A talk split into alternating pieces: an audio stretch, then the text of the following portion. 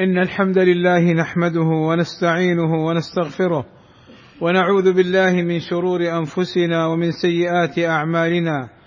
من يهده الله فلا مضل له ومن يضلل فلا هادي له. وأشهد أن لا إله إلا الله وحده لا شريك له. وأشهد أن محمدا عبده ورسوله. يا أيها الذين آمنوا اتقوا الله حق تقاته ولا تموتن إلا وأنتم مسلمون.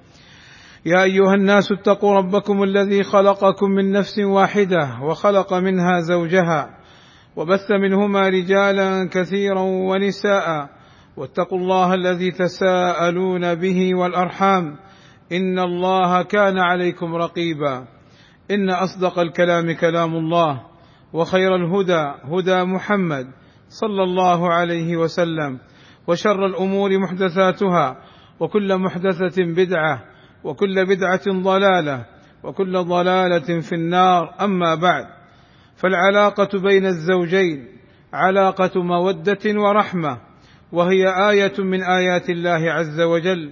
قال سبحانه ومن آياته أن خلق لكم من أنفسكم أزواجا أن خلق لكم من أنفسكم أزواجا لتسكنوا إليها وجعل بينكم مودة ورحمة إن في ذلك لآيات لقوم يتفكرون. أي من الآيات الدالة على رحمة الله بعبده أن خلق له زوجة يسكن إليها ويرتاح عندها ويتناسب معها وجعل بينهما مودة وحبا فإن لم يوجد الحب فلا أقل من الرحمة بينهما. وإن معاملة الزوجة بالمعروف مما يديم الحياة بينهما. قال أهل العلم في قوله تعالى وعاشروهن بالمعروف أي طيبوا أقوالكم لهن وحسنوا أفعالكم وهيئاتكم بحسب قدرتكم كما تحب ذلك منها فافعل أنت بها مثله كما قال تعالى ولهن مثل الذي عليهن بالمعروف وقال صلى الله عليه وسلم خيركم خيركم لأهله وأنا خيركم لأهلي. وكان صلى الله عليه وسلم من أخلاقه أنه جميل العشرة دائم البشر يداعب أهله ويتلطف بهم ويوسعهم نفقته ويضاحك نساءه. وقد قال الله تعالى لقد كان لكم في رسول الله أسوة حسنة لذا من الخطأ أن يتعالى الرجل على المرأة ويتعامل معها بشدة وقسوة.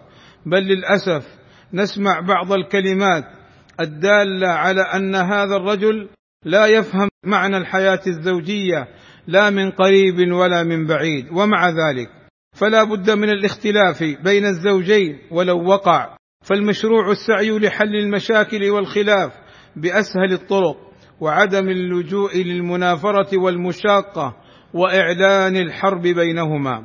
ولو ترفعت الزوجة على زوجها فالمشروع للرجل أن ينصحها ويذكرها بحقه عليها شرعا.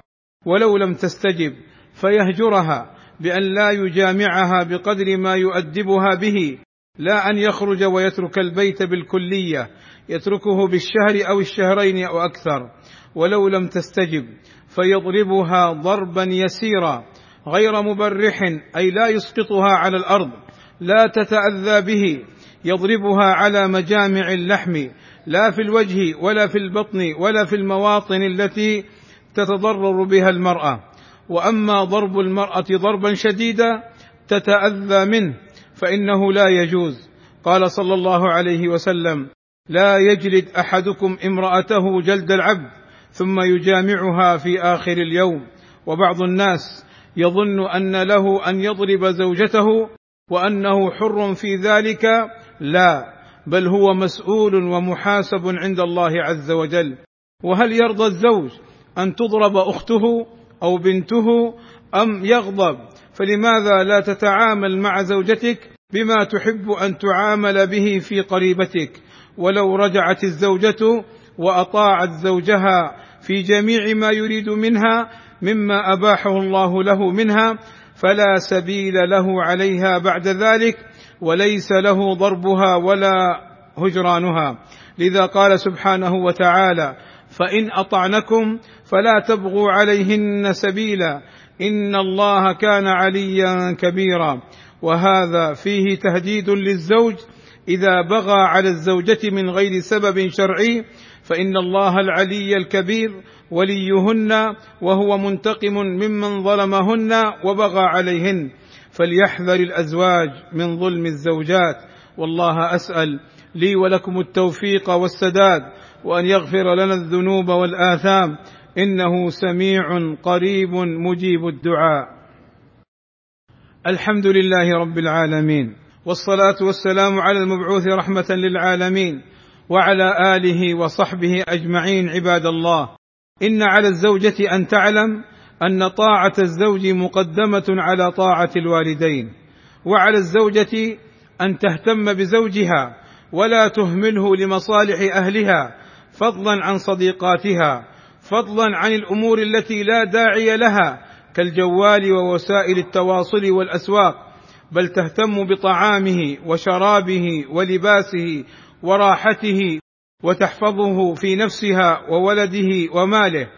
قال صلى الله عليه وسلم خير النساء من تسرك إذا أبصرت وتطيعك إذا أمرت وتحفظ غيبتك في نفسها ومالك ولتحذر الزوجة من المقولة التي تقول عاملي زوجك مثل ما يعاملك. بمعنى لو قصر معك قصري معه ولو أحسن لك أحسني له. فإن هذه قاعدة تهدم العلاقة الزوجية.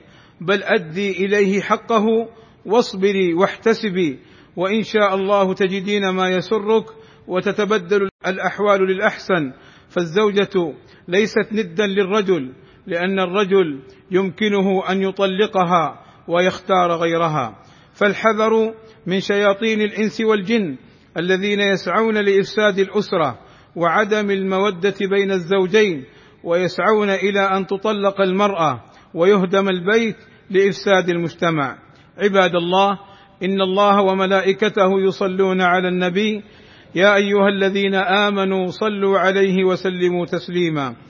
فاللهم صل على محمد وأزواجه وذريته كما صليت على آل إبراهيم. وبارك على محمد وأزواجه وذريته كما باركت على آل إبراهيم إنك حميد مجيد. وارض اللهم عن الخلفاء الراشدين أبي بكر وعمر وعثمان وعلي وعن جميع أصحاب النبي صلى الله عليه وسلم وعنا معهم بمنك وكرمك. اللهم آتنا في الدنيا حسنة وفي الآخرة حسنة وقنا عذاب النار. اللهم اغفر للمسلمين والمسلمات والمؤمنين والمؤمنات. الأحياء منهم والأموات. اللهم وفق ولي أمرنا الملك سلمان ابن عبد العزيز وولي عهده الأمير محمد بن سلمان لما تحبه وترضاه وأصلح بهما البلاد والعباد واحفظهما من كل سوء. اللهم أيدهما بتأييدك ووفقهما بتوفيقك وأعز بهما الإسلام والمسلمين. والصلاة والسلام على المبعوث رحمة للعالمين وعلى آله وصحبه أجمعين.